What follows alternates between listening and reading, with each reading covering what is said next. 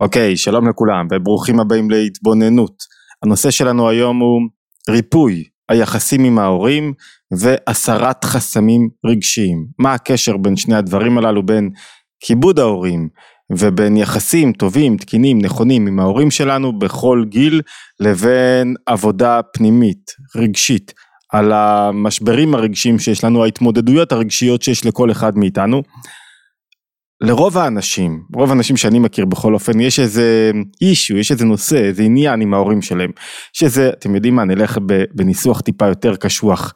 לרוב האנשים יש איזה שריטה מסוימת שהם קיבלו מההורים והם באים איתם או שחושבים לבוא איתם או שיושב להם בראש לבוא איתם בחשבון עם ההורים. יש להם איזה משהו שאני מאשים בו את ההורים שלי, שהוא קצת תוקע אותי, שהוא קצת חסם בחיים שלי. זאת אומרת, יכול להיות שאני מסתכל על העבר, על דרכי החינוך, על דרכי ההתמודדות, על היחסים כיום ואומר, ההורים שלי היו מרוכזים מדי בעצמם, או לא נתנו לי מספיק חום, או העריכו את האחים שלי יותר מאשר אותי, או שהייתי בבית שיותר מדי צעקו בו, או, או ההורים שלי היו מרירים מדי ו, וביקורתיים מדי ולא הכניסו שמחה בתוך הבית.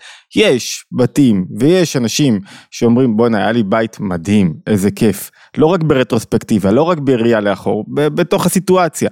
אבל הרבה, יש איזה משהו, איזה יחסים לא, לא, לא בריאים עם ההורים, איזה חשבון פתוח שלפעמים הוא בא לידי ביטוי במודע או שלא במודע בתוך מערכת היחסים השוטפת, זאת אומרת אני לפעמים סוגר חשבונות תוך כדי עשרות שנים אחרי, תוך כדי החיים המשותפים, כאילו אני קצת כועס על ההורים שלי, קצת לא מתייחס אליהם כמו שצריך, למה?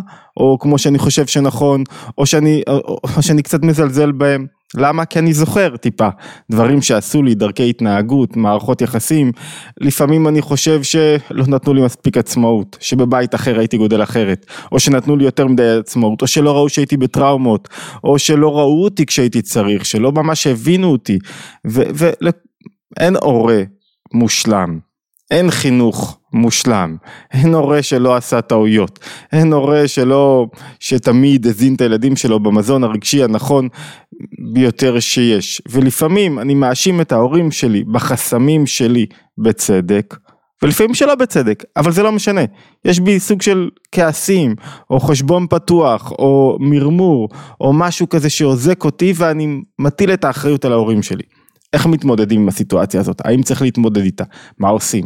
והרבה פעמים אני מצדיק את עצמי. תשמע, היה לי הורים כאלה אגוצנטרים, אז, זה בצדק שאני לפעמים קצת לא אכבד אה, אותם, או שאני ארשה לעצמי לצעוק, לכעוס, להיות אגוצנטרי, לבקש בעצמי. הם עשו אותי כזה.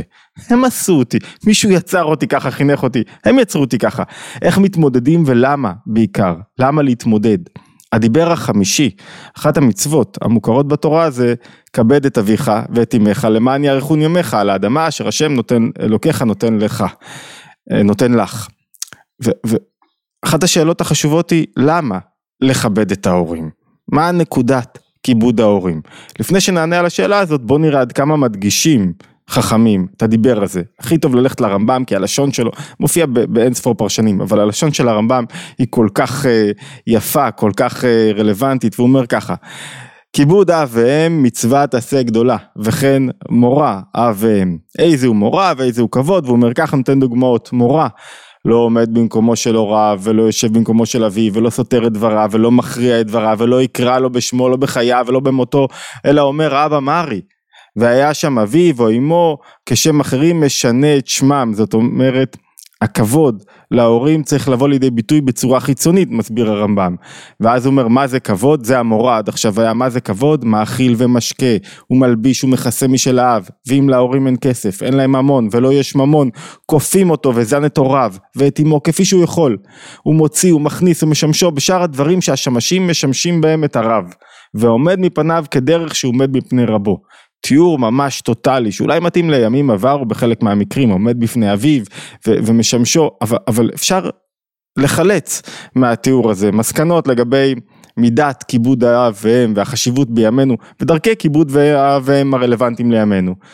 והאב שהיה תלמיד בנו אין האב עומד בפני הבן. גם אם האב לומד מהבן הוא לא עומד בפניו אלא הבן עומד בפני אביו. אף על פי שהוא תלמידו וחייב לכבדו בשעת עשיית מסעו ומתנו וכולי וכולי. ויש עוד שאלה אחת שלפני שנענה על השאלה איך מרפאים יחסים עם ההורים ולמה זה קשור לכיבוד אב תחזיקו את השאלה רגע, איך אני מרפא את היחסים עם ההורים ולמה אני רוצה לרפא את היחסים עם ההורים ובואו נבין רגע את השאלה לגבי חובת, מצוות, כיבוד אב ומתוכה נבין איך ולמה אנחנו מרפאים יחסים ומה זה ועבור מי זה. אם ההורים שלי לא היו לא טובים, אומר הרמב"ם, הורים לא טובים, שהם או שהם מחלימים אותי, זאת אומרת מתנהגים בצורה לא טובה ומביישים אותי לפני אנשים, או שהם מנצלים אותי, איך אז אני צריך להתנהג אליהם? אומר כך הרמב"ם, עד היכן הוא כיבוד אב ואם? אפילו נטלו כיס של זהובים שלו, והשליכו בפניו לים. לקחו לך כסף מהכיס וזרקו לים, לא יחלימם ולא יצייר בפניהם ולא יכעוס כנגדם, אלא יקבל גזירת הכתוב וישתוק. עד כדי כך, מה זאת אומרת לקחו לי כסף וזרקו אותו? ועד אחד מורן, אפילו היה לובש בגדים חמודות ויושב בראש הקהל, מדובר בבן שהוא חשוב ומקובל ועומד בפני הקהל ובא ועכשיו מוסר דרשה דברים ובא אביו ואימו וקראו לו את הבגדים, השפילו אותו בפני אנשים והיכו בראשו וירקו בפניו. עד כדי כך הרמב"ם הולך לכאלה מקומות קיצוניים, לא יחלים מהם, אלא ישתוק ויירא. ויפחד ממלך מלכי המלכים שציווהו בכך. זאת אומרת, יש פה איזה עניין צדדי שכיבוד אב ואם הוא לא בגלל סיבה מסוימת, הוא לא חלק מהוראת הקדוש ברוך הוא, לא בגלל סיבה הגיונית, אבל תכף נבין מה הסיבה ההגיונית. הרי לכל דבר צריך להיות טעם, והשאלה באמת הלא ברורה היא, למה צריך לכבד את ההורים ואיך זה קשור להסרת חסמים בנפש. אם אני מכבד את ההורים מצד זה שהם טיפלו בי ונתנו לי והיו הורים טובים ועזרו לי, אז אמ, זה לא להיות אדם שהוא כפוי טובה. כל אדם שנתן לי משהו, אני מודה לו ומכבד אותו, על אחת כמה מישהו שנתן לי במשך 18, 20, 30, 40 שנה, כל החיים נתן לי משהו, אז ודאי שאני צריך לכבד אותו. זאת אומרת, כיבוד אב ואם, במובן הזה, זה, זה אפילו לא צריך לצוות על זה, זה היגיון פשוט, זה, זה, זה לא להיות אדם שהוא, שהוא אמ, לוקח ולא נותן. נתנו לך, תכבד. למה עד כדי כך מצוות כיבוד אב ואם? ומה אם לא נתנו לי? עוד נקודה שבה אנחנו מנסים להבין למה כיבוד אב ואם חשובים, כיבוד אב ואם זה לא בשביל ההורים. יש הורים כאלה שמבקשים אה, לקבל את הכבוד שלהם, ואין דבר נורא מזה. כי הורה, אומר את זה גם הרמב"ם, אף על פי שבכך נצטווינו אסור לאדם להכביד או לא על בניו ולדגדג בכבודו עמהם, שלא יביאם לידי מכשול. הורה שמבקש כבוד מההורים שלו, לא בא כדי, לא כאקט חינוכי, כדי לעזור להם אה, להציב גבולות וכולי, אלא רוצה כבוד, למה לא כיבדו אותי, למה לא באתם לבקר אותי, למה השארתם אותי לבד, הורה שמבקש כבוד, מפסיק להיות הורה במידה מסוימת. למה? כי הרעיון החינוכי הראשון במעלה, זה הערת אגב, לא נעמיק בזה כאן כרגע, יש הרבה שיעורים על, על חינוך, בכלל, אה, יש את הספר אומנות ההגבהה שמי שלא קרא חובה לקרוא אותו, ויש אה, לא מעט סדנאות וסדרות על חינוך בתוך הערוץ הזה. אבל רק במילה אחת נגיד, ואם נחתים כבר הזכרנו את הערוץ, תירשמו לערוץ, ומוזמנים להירשם מי שלא נרשם עדיין, זאת אומרת subscribe ולקבוצות הוואטסאפ. מה התפקיד הראשון במעלה של הורים? לעזור לילדים לגלות את הכוחות שלהם, להתגבר על המשברים שלהם. ההורה הוא לא יכול להיות במרכז, התפקיד שלו הוא תמיד תפקיד חד סטרי, לעזור לילדים לגלות את הכוחות שלהם, לא את מה שהם רוצים אלא את, ה, את, ה, את, את מלוא הפוטנציאל שלהם. וכדי לעזור להם בכך הוא צריך לעזור להם לסלק חסמים ורגשות לא רצויים וכולי. כשהורה כועס, או כשהורה מאוכזב, או כשהורה מצפה, או כשהורה דורש כבוד, מי במרכז? זה פשוט, הוא במרכז, וכשהוא במרכז הוא כבר מפסיק להיות הורה. זאת אומרת, הוא לא מממש כרגע, הוא הורה, אבל הוא לא מממש את התפקיד שלו כהורה. כי במקום לגלות בילדים את הפוטנציאל שלהם ואת הכוחות שלהם, הוא מחשיך על הכוחות שלהם, הוא אומר להם אתם לא טובים, אתם לא מכבדים אותי, אתם לא רואים אותי, הופך להיות ילד קטן, מפונק, ביקורתי. זאת אומרת, ברוב המקרים, כשמישהו רוצה כבוד, באופן כללי, אז הכבוד יברח ממנו, וגם לא מגיע לו כל כך כבוד, כי הוא שוב חזר להיות אגוצנטרי, שוב חזר להיות אדם שמעמיד את עצמו במרכז. אך על אחת כמה וכמה, הורה, להורה יש תפקיד אקטיבי ביחס לילדים, הוא לא יכול להיעלב מהילדים שלהם, והוא לא יכול להיפגע מהם, ויש לו תפקיד, הם לא באותו מידה, לא באותו, הם לא שווים ההורה והילד, הילד שלי צריך אותי, אני לא אמור להיות צריך את הילד שלי. כל מיני הורים שרוצים, הביאו ילדים לעולם כדי שהילדים ישמשו אותם בגיל מבוגר, או כדי שהם לא יהיו בודדים, או שיש להם אינטרסים בילדים שלהם, מפספסים את התפקיד ההורי. התפקיד שלי הוא ביחס לילדים שלי. אין לי תפקיד, אני לא יכול לדרוש מהילדים שלי שום דבר. להם יהיה תפקיד ביחס לילדים שלהם. אה, אז למה כבד את אביך ואת אמך? מה הרעיון? בשביל מה צריך את כיבוד אביהם? למה זו מצווה? דיבר כל כך חשוב, דיבר חמישי. התשובה נעוצה בחשיבות ריפוי היחסים עם ההורים. כל עוד שיש לי איזה עניין לא פתור עם ההורים שלי. כל עוד שלא לקחתי אחריות, אני לא יכול להתקדם. המקום שבו האדם מתקדם, ומתחיל לקחת אחריות על החיים שלו, ומשתפר מבחינה רגשית, זה כשהוא לוקח אחריות על החיים שלו. זה כשהוא מפסיק להאשים את ההורים שלו, כשהוא מפסיק להטיל על ההורים שלו מה שעשו לי, ואיך חינכו אותי, ומה אני אעשה ככה גידלו אותי. כשהוא מתחיל להגיד אני יכול להשתנות, למרות שגידלו אותי ככה, למרות שזה מה שעברתי, והעדות לכך זה הכבוד שהוא חולק להורים שלי. שלו, שהוא לא מחזיק, הוא לא מטיל על ההורים שלו את האחריות על ההתפתחות שלו. הכבוד שהוא נותן, בין בחייהם, בין לאחר חייהם, בין בפניהם, בין שלא בפניהם, מעיד על כך שהוא מתחיל להתפתח באמת.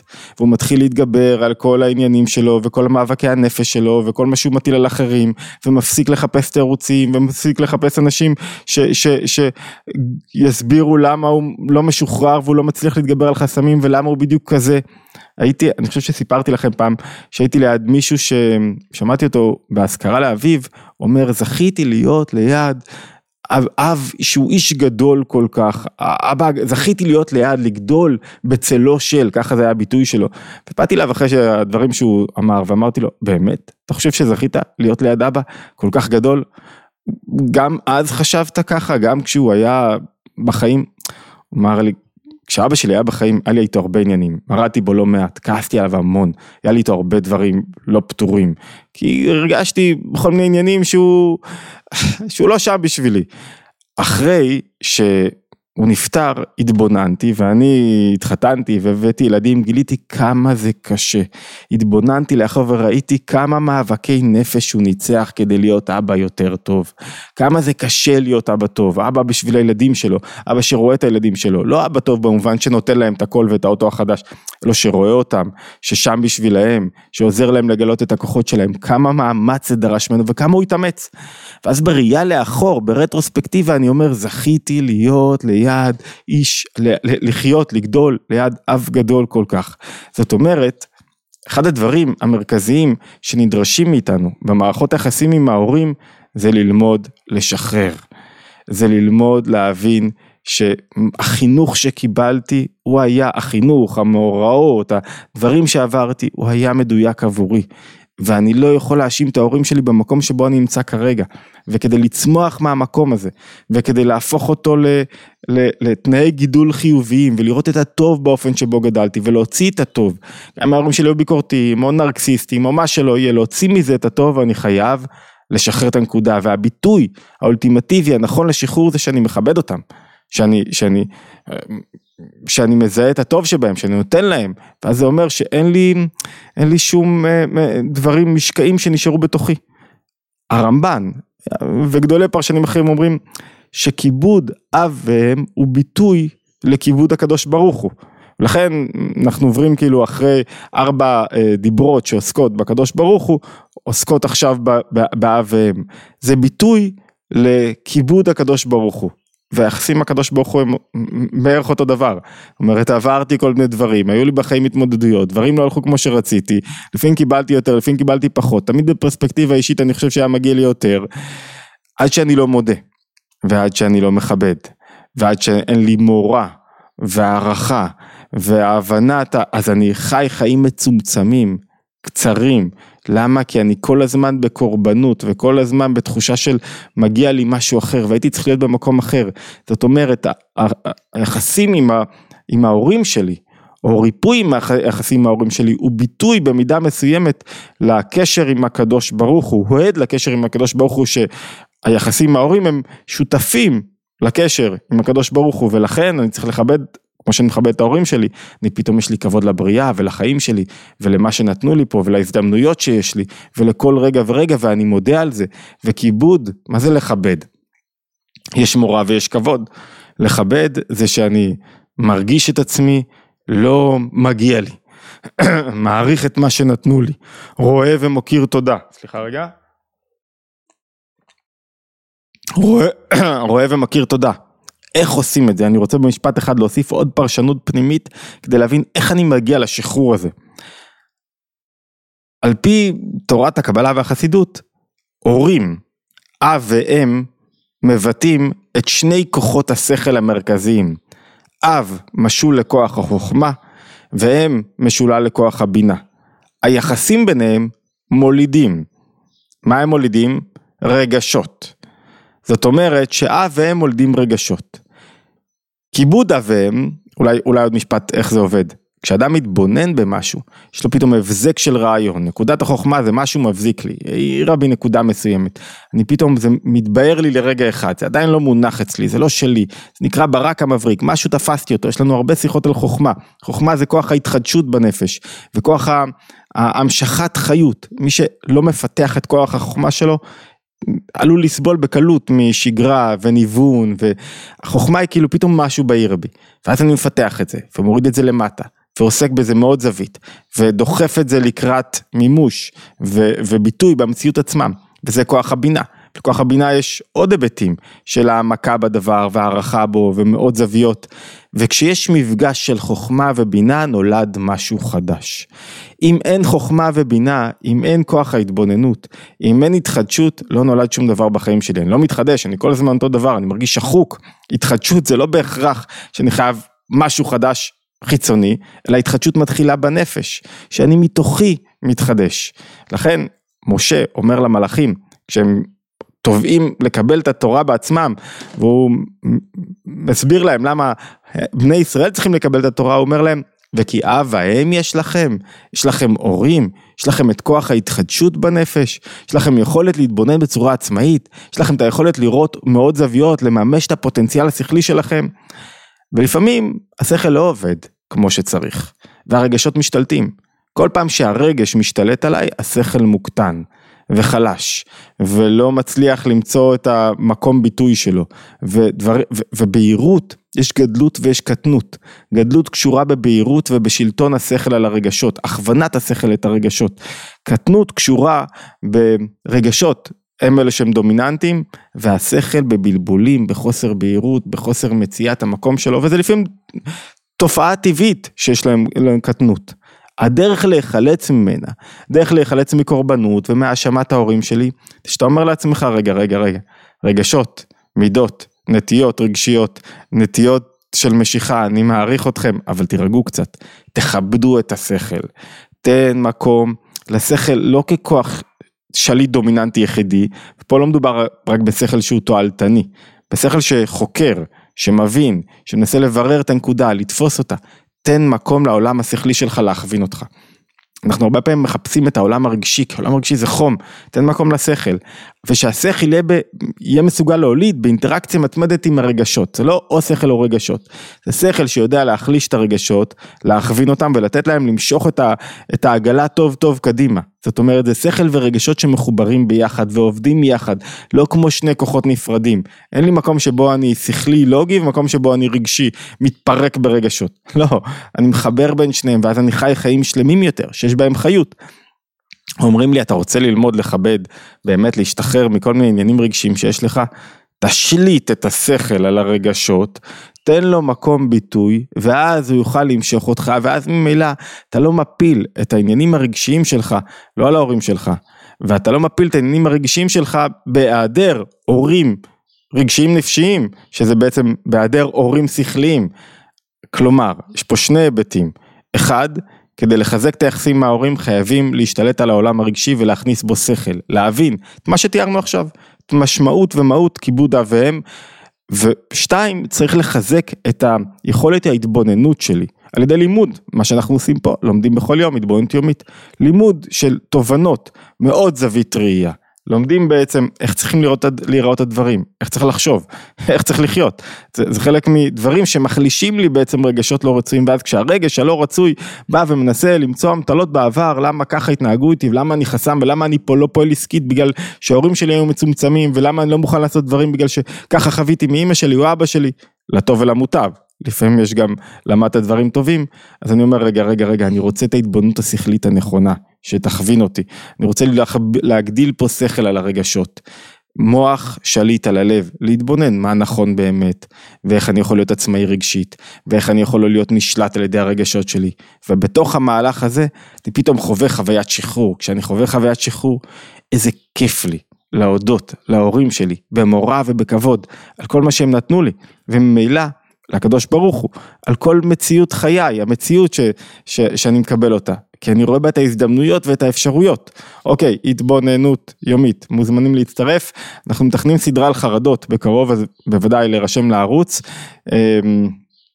על חרדות ומנגד סדרה על שמחה, אז יש הרבה סדרות שעולות, מוזמנים להצטרף לערוץ, לשתף וכמובן להצטרף לקבוצות הוואטסאפ, שאלות, רעיונות, אי הסכמות, בתגובות תמיד מנסה לענות תוך יום או יומיים, להשתמע בהתבוננות היומית הבאה.